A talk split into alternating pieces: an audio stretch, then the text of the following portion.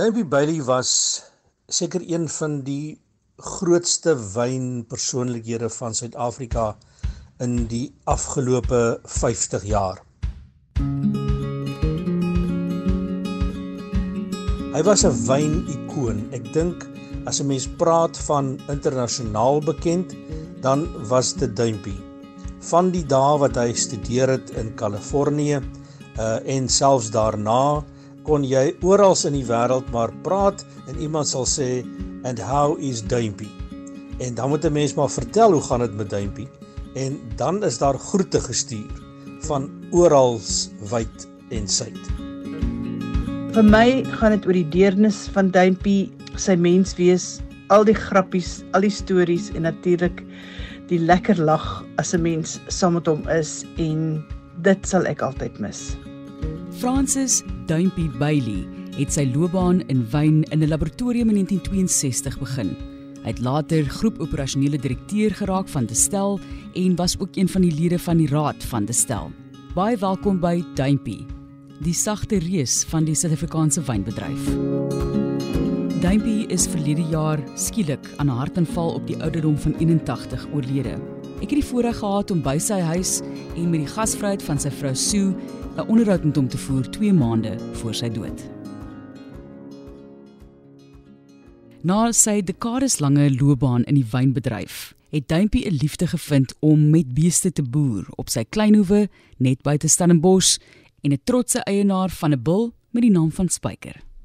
Hy is die grootste klein beesboer in Stellenbosch.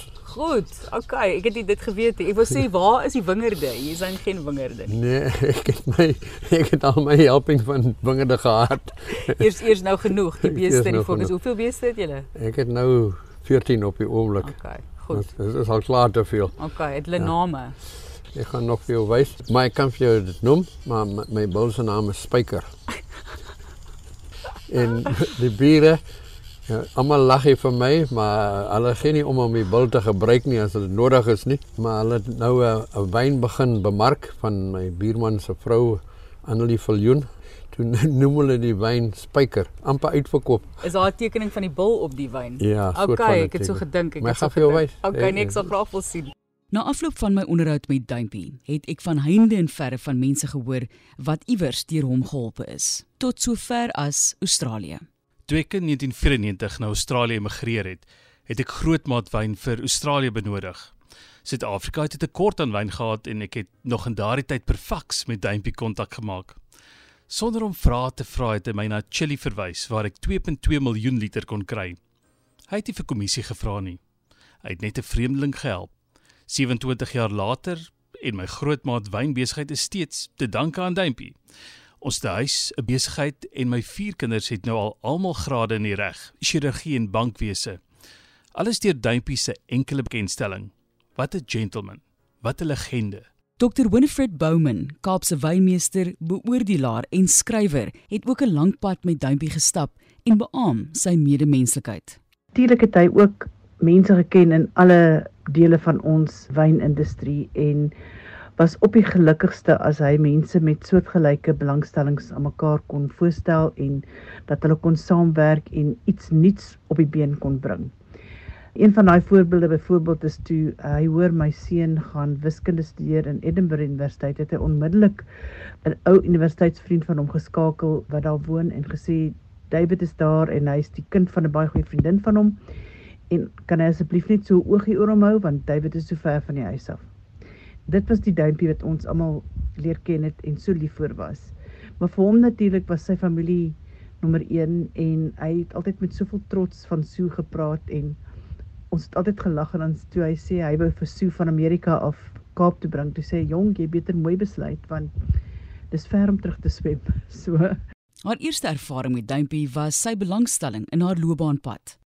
My eerste ervaring met Dumpy Bailey was by 'n wynfunksie waar hy self die moeite gedoen het om hom myself te kom voorstel.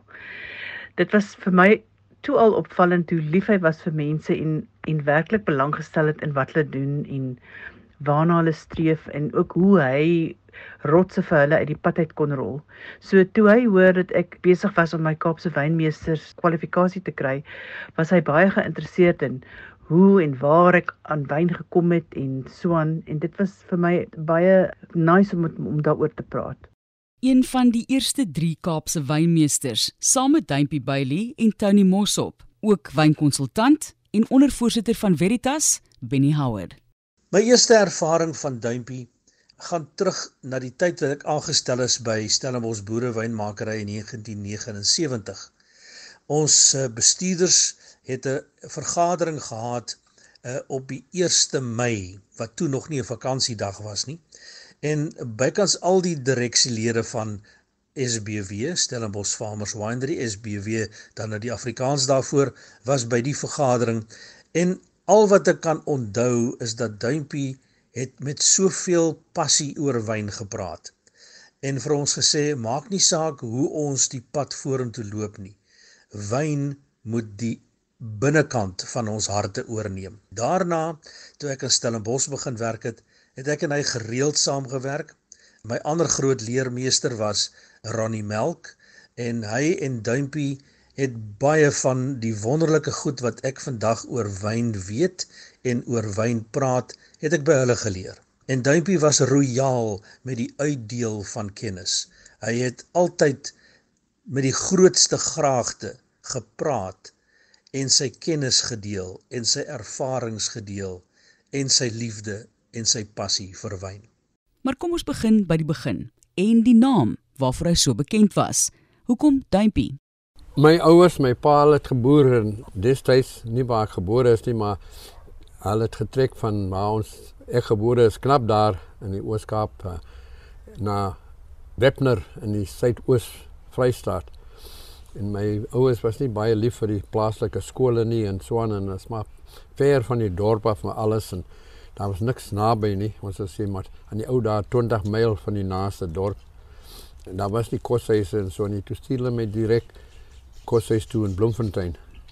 En toe ek in by die skool aankom in die koshuis was ek die kleinste ouetjie in die, in die koshuis.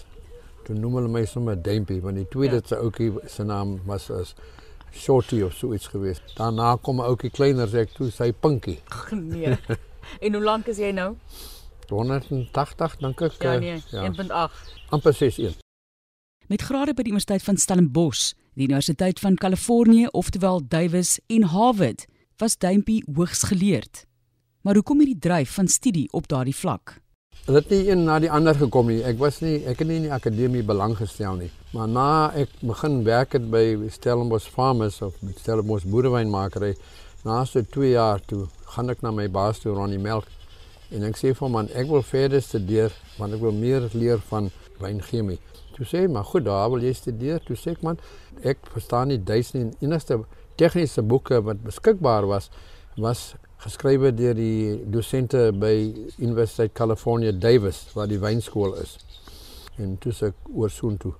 En die gelukkige ding in daai dae vir 1 rand het ons 'n dollar 80 gekry. So ek was redelik 'n ryk student in vergelyking met die ander. Duimpie se groot belangstelling was wynstabiliteit, veral witwyn hoekom word wyne suur? Hoekom is daar afsaksels in vir my uh, M graad by Davis het ek gewerk oor die eiwite in wyn, proteins in white wine. White wines is meer geneig om afsaksels te gee as uh, rooi wyne. En tot vandag toe mense hou nie van wyne wat effe vaal is nie. Hulle weet nie wat die oorsake is nie. Ons wat wynmakers is, weet dit is nie 'n probleem nie. Soos ons sê, daai goed wat in die witwyn afsak, noem ons wyndiamante. Yes. Wyndiamante is goed vir jou. En ons het 'n groot besigheid gehad en baie baie liter Liebestein verkoop in daai dae. Jy wil nie hê die wyne moet afgaan nie. En dan verloor jy baie, jy weet, en dit is baie belangrik vir my dat die wyne stabiel moet bly. Volgens Duimpie het wynchemie geweldig gevorder in die afgelope dekades. Daar's baie baie slim mense wat daar werk deesdae. Ons was maar min gewees in die ou dae. Hulle het uitgevind wat die oorsake is en hulle kon dit betyds voorkom en hoe hulle die wyn behandel en alles. Ons praat nou almal van minimum intervention en ek glo ook daarin. Maar daar is sekere dinge as jy in 'n sekere mark wil wees dat jy blink wyne moet produseer. So jy moet sekere dinge voorkom soos jy moet die wit wyne moet koud gemaak word. Jy weet sommer net 'n rou wyn as ek dit stel in die yskas sit, dan kry jy afsagsel en dink die mense die wyn is sleg. So jy moet dit voorkom. Jy weet en dit is baie maklik om te doen met deur die temperatuur te verlaag en sulke tipe dinge. Ek het dit nie uitgevind nie. Ek het net toegepas en uitgevind ja. wat dit is. Daar is so baie mense deesdae wat aan wyn belangstel. Nie net dit om te drink nie, maar wat aangaan in wyn. En ek meen as jy ja sien nou wat alles gepubliseer word en en, en geskryf word in doktorsgrade en professore en M-grade, you name it. Daar gaan so baie mense, jy weet baie meer wat aangaan in in die dryf of die wingerd, die hele ketting. Vandat hy die Universiteit van Stellenbosch verlaat het, het hy 'n reuse rol gespeel binne in Stellenbosch boerewynmakery en na die samesmelting met die Stillers Korporasie ook nog onder die vaandel van Destel. Maar hy het 'n ongelooflike geheue gehad oor die Suid-Afrikaanse wynbedryf. Na sy studies in Kalifornië, waar hy sy vrou ontmoet en getrou het, het hulle teruggekeer na Suid-Afrika. Toe uh Davis toe ek moes daar vir so ontmoet toe ons getroud. En toe kom ek terug want ek was daar 3 jaar omtrent dink ek. Ek is in 1967 was my eerste oesjaar. Terug by Stellenbosch Farmers in uh ek onthou nog ek het die nagskof gedoen in die eerste paar tyd het gesê nou moet jy onder begin jy kan nie net hier kom en dink jy weet alles nie en toe ek daar die eerste oesjare en so aan en so het ek my het ek my in die bedryf of in Stellenbosch Farmers opgewerk en toe ek van laboratorium assistent dat ek laboratorium baas geword en toe later hoof van kwaliteitsbeheer geword. Uiteindelik was dit 'n tegniese direkteur geword. Maar toe Ronnie Melk senior direkteur geword het, het ek toe die aan sy plek oorgeneem as tegniese direkteur. Dan as jy 'n bestuurder wil wees, dan moet jy ook ietsie weet van syfers en al daai nonsens, jy weet. Ek het bin geweet van syfers en gelukkig was daar drie ander van Farmers Winery wat ook by Harvard aan die bestuurskool daar en toe sê hulle nee maar jy moet kan lees van krediete en debiete en daai nonsens en nie net wyn proe nie en wyn drink nie. Toe ja. ek aansoek gedoen en ek het plek gekry en toe gaan ek daar vir die wat hulle noem 'n PMD, Program for Management Development. Hy was 'n Kaapse wynmeester van formaat. Een van die eerste 3 Kaapse wynmeesters saam met Tony Mossop en myself en het altyd gesê ons het 'n bitter groot rol om te speel om die Kaapse wynmeester 'n persoonlikheid te maak in die bedryf wat 'n bydrae kan maak vir almal, nie net vir die handelsmerk wat jy noodwendig sou verteenwoordig as jy by 'n besondere kelder is of as jy by 'n besondere geleentheid is nie. En ek dink sy sy waarde as Kaapse wynmeester het beteken dat almal in Suid-Afrika en in die buiteland waarde geheg het aan hierdie ongelooflike wonderlike prestasie van mense wat met groot erns na wyn kyk en dit dan met liefde kan uitlewe. Dave Hughes is baie betrokke. Hy's eintlik die man wat die Kaapse Wyn Akademie begin het onder die beskerm van Farmers Winery. Want hy het gevoel die publiek, die verbruiker het meer wynkennis nodig. Want hy kennis is maar skaars en hy daarvan wyn en so aan. En Phyllis Hans wat saam met die ding met hom begin het. Sy was ook 'n bietjie in bemarking, sy het mos al die jare by Landrak gewerk. So sy het daar kennis gehad van wat mense van hou en so en so aan in wyn. Sy het ook deelgeneem in die wynkompetisie. Sy was een van die eerste wenners van die Cape Argus wine tasting kompetisie of iets daai jare. So hulle het die ding begin. Ronnie was die man wat dit eintlik die erns gegee het in die ding dat voel dat dit is baie belangrik. En uh, toe het hy goedkeuring gekry toe het was daar 'n uh, by die KWSI die ou Kaapse Wyn en Spirituele Instituut. Hulle het 'n ding gehad wat professor van Wyk dink ek was. Dis Joel van Wyk was die soort van die voorsitter van die ding of het, sê die Cape Wine and Spirit Education Trust. Hulle het so 'n ding gehad wat nooit van die vloer af gekom het nie. Toe gee hulle die Kaapse Wyn Akademie die reg om die Kaapse wynmeester toe te ken. Toe het hulle gekom en toe het hulle gesê hulle soek mense wat dit graag die uh, kursus wil loop en so aan. Toe vra hulle vir my ook as ek as ek nie ook sou wil deelneem nie. En toe sê ek ek sal graag wil deelneem want dit het gegaan nie net oor Suid-Afrikaanse wyne nie, nie oor tegnies. Ek het nie nog tegniese kennis nodig gehad nie. Ja, ja. Maar ek het wêreldkennis nodig gehad van watter wyne word waar gemaak. Volgens Benny Howard was Duimpie op die ouend net 'n baie groot wynliefhebber en veral natuurlik Pinotage. Dis seker een van die wonderlikste aspekte van enige iemand in die wynwêreld se lewe. As jy wyn kan geniet soos wat die wyn in die glas vir jou is. En ek het dit by Duimpie geleer. 'n Mens kyk nooit neer op 'n wyn nie, want wyn is so verskillend. Wyn is so ongelooflik uiteenlopend. En hy het my geleer dat selfs die geringste wyn as dit goed gemaak is en as dit persoonlik vir jou lekker smaak, dat dit 'n goeie wyn is. Dit hoef nie 'n wyn te wees wat der duisende rande kos nie. En ek dink iets van daardie filosofie van Stellenbosch boerewynmakery wat die groot legendes van wyn opgelewer het. Dit is die groot nalatenskap wat ek by Duimpie sien, is dat hy 'n mens geleer het om nederig met wyn om te gaan. Die wyn in die glas wat vir jou lekker smaak. Dit was vir hom fantasties. En daardie liefde sal my altyd bybly as iets spesiaals want dit het vir my baie beteken en ek probeer om dit ook uit te lewe saam met die mense rondom my. Ek is baie lief vir Pinotage en en wat dit vir Suid-Afrika beteken. Maar so bly die lekker wyn ook. Pinotage was baie oor die jare amper soos beskou as 'n braaivleiswyn. En hy het nou die plek bereik in ons wynsien wat my vrou gesê het Pinotage has now reached the fine table experience.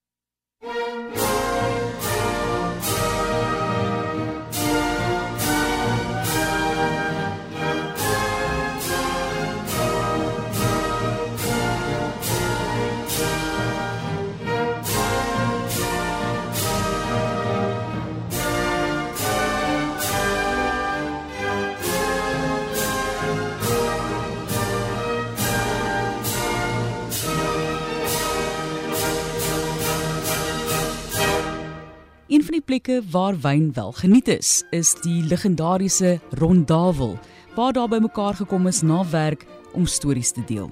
Dit is 'n ongelooflike plek gewees en, en dit is in die hart van die perseel. Dis daar onder daai groot bloekomboom wat daar staan, dis die Rondavel.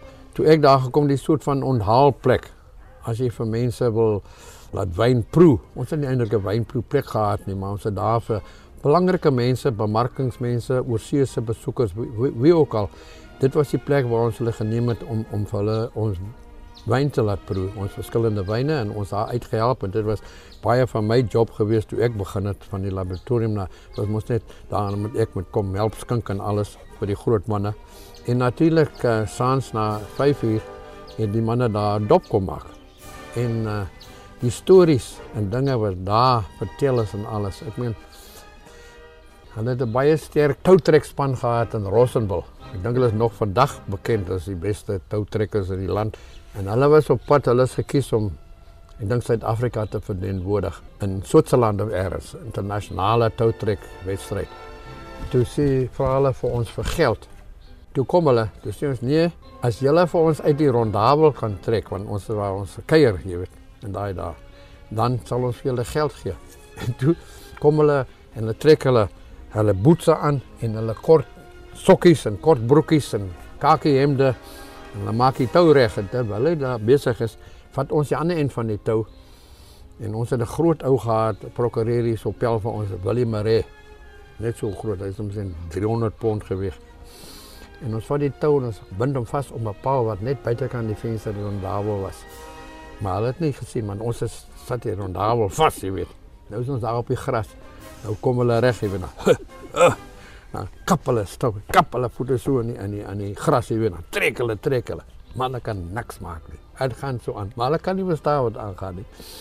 Uiteindelik toe kom hulle agter by wat ons gedoen het. En daar het die baas van die plaas van Farmers Wine kom sit met die laagste ou daar. sê maar die die die ou vlakke en so aan gewerk. Ja, ja. En hy kon met hom 'n dop drink en, en daar was een storie, jy kan nie kom klaar oor die werk en dis dit was 'n plek om te kom geniet en stories te vertel en pels te maak. As mens nou praat oor duimpie en stories, natuurlik was daar altyd 'n storie of 'n grappie. Daar was altyd die ondeende glimlag wat jou gegroet het en natuurlik sy humorsin was fantasties. Hy het altyd so stoute lag gehad as jy hom vra oor sy beeste, want natuurlik sy stoetbees en sy pride and joy was sy bees spyker en hy het altyd lekker gelag as iemand vir die eerste keer hoor wat die bees se naam is. Mense wat in die in die wingerde gewerk het tot by die hoof van 'n maatskappy en almal het altyd 'n glimlag en 'n aanmoedigende woord gekry van hom. Dis 'n vraag wat ek vir hom direk gevra het. Wat is jou nalatenskap? Duimpie het dit nederig probeer beantwoord. Dis 'n moeilike vraag. Ek moet so baie dinge. Nee, ek sou graag wil hê mense moet wyn waardeer en geniet en en ek wil nie so ver gaan sê wyn kos en al daai dinge. Wyn wyn maak vir jou as jy dit in die regte hoeveelheid gebruik, maak vir jou baie vir my gemaklike persoon. Wyn is so 'n wonderlike produk. Kyk alles wat dit gedoen het. Baie baie mense in die wêreld wat sê hulle is wyn, dit is wyn wat hulle geïnspireer het en so gedoen. En, en hoe meer jy leer van wyn en so aan, hoe meer vind jy uit dit is 'n wonderlike produk. En daai ou ding ook, jy het dit ook al baie gehoor. Ons het mos 'n ou hier gehad. Hy was 'n uh, hy was een van die grootste Franse wynkenners gewees. Hy het ook boeke geskrywe. En iemand het hom eendag gevra toe hy by 'n groot verhoog was op 'n ding, nee. Vra vir hom wat is die beste wyn in die wêreld?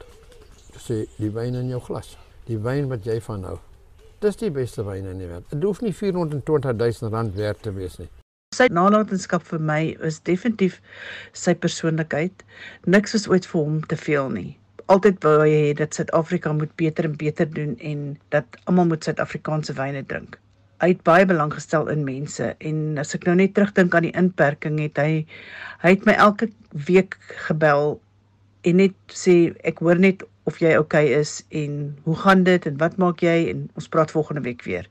Vir my sal daar nooit weer so iemand in die wynbedryf wees nie want hy het net te veel goeie eienskappe gehad. Ek kan nie aan een persoon dink wat nie van Duimpie gehou het nie, maar indien daar wel so iemand was, dan was die fout totaal aan hulle kant en dis die einde daarvan. Duimpie het baie rolle binne in die bedryf gespeel. As direksielid van Stellenbosch Boerewynmakeri het hy voor die hand liggend baie groot rol binne in die maatskappy gespeel en wat hy verantwoordelik was vir die kwaliteit van elke bottel wyn wat deur die hekke van die maatskappy beweeg het. Een van sy grootste bydraes sal seker wees sy rol wat hy by die Wyn en Spiritus Raad gespeel het in die totstandkoming daarvan in 1973 en die uitvloeisel daarvan natuurlik die afbakeningskomitee wat hy vir baie jare lank die voorsitter was. En hierdie komitee het landwyd gereis om nuwe wyngebiede te kon afbaken. Ek dink dit was seker een van Dumpie se grootste bydraes. Dit is 'n 'n wetenskaplike proses gewees. Dit was nie net 'n stukkie papier waarmee hulle gewerk het nie.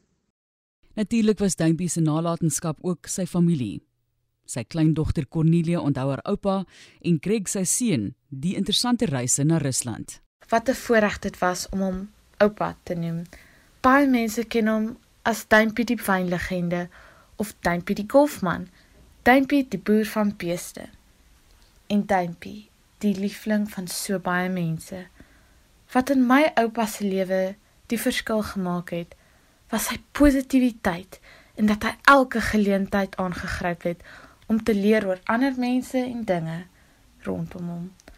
Hy het 'n intense belangstelling in die natuur gehad en het altyd teruggekom van 'n vakansie of reis met plantjies en saadjies in sy sak om te kyk of hy die goed aan die groei kon kry. Sy gunsteling sê ding was humility costs you nothing.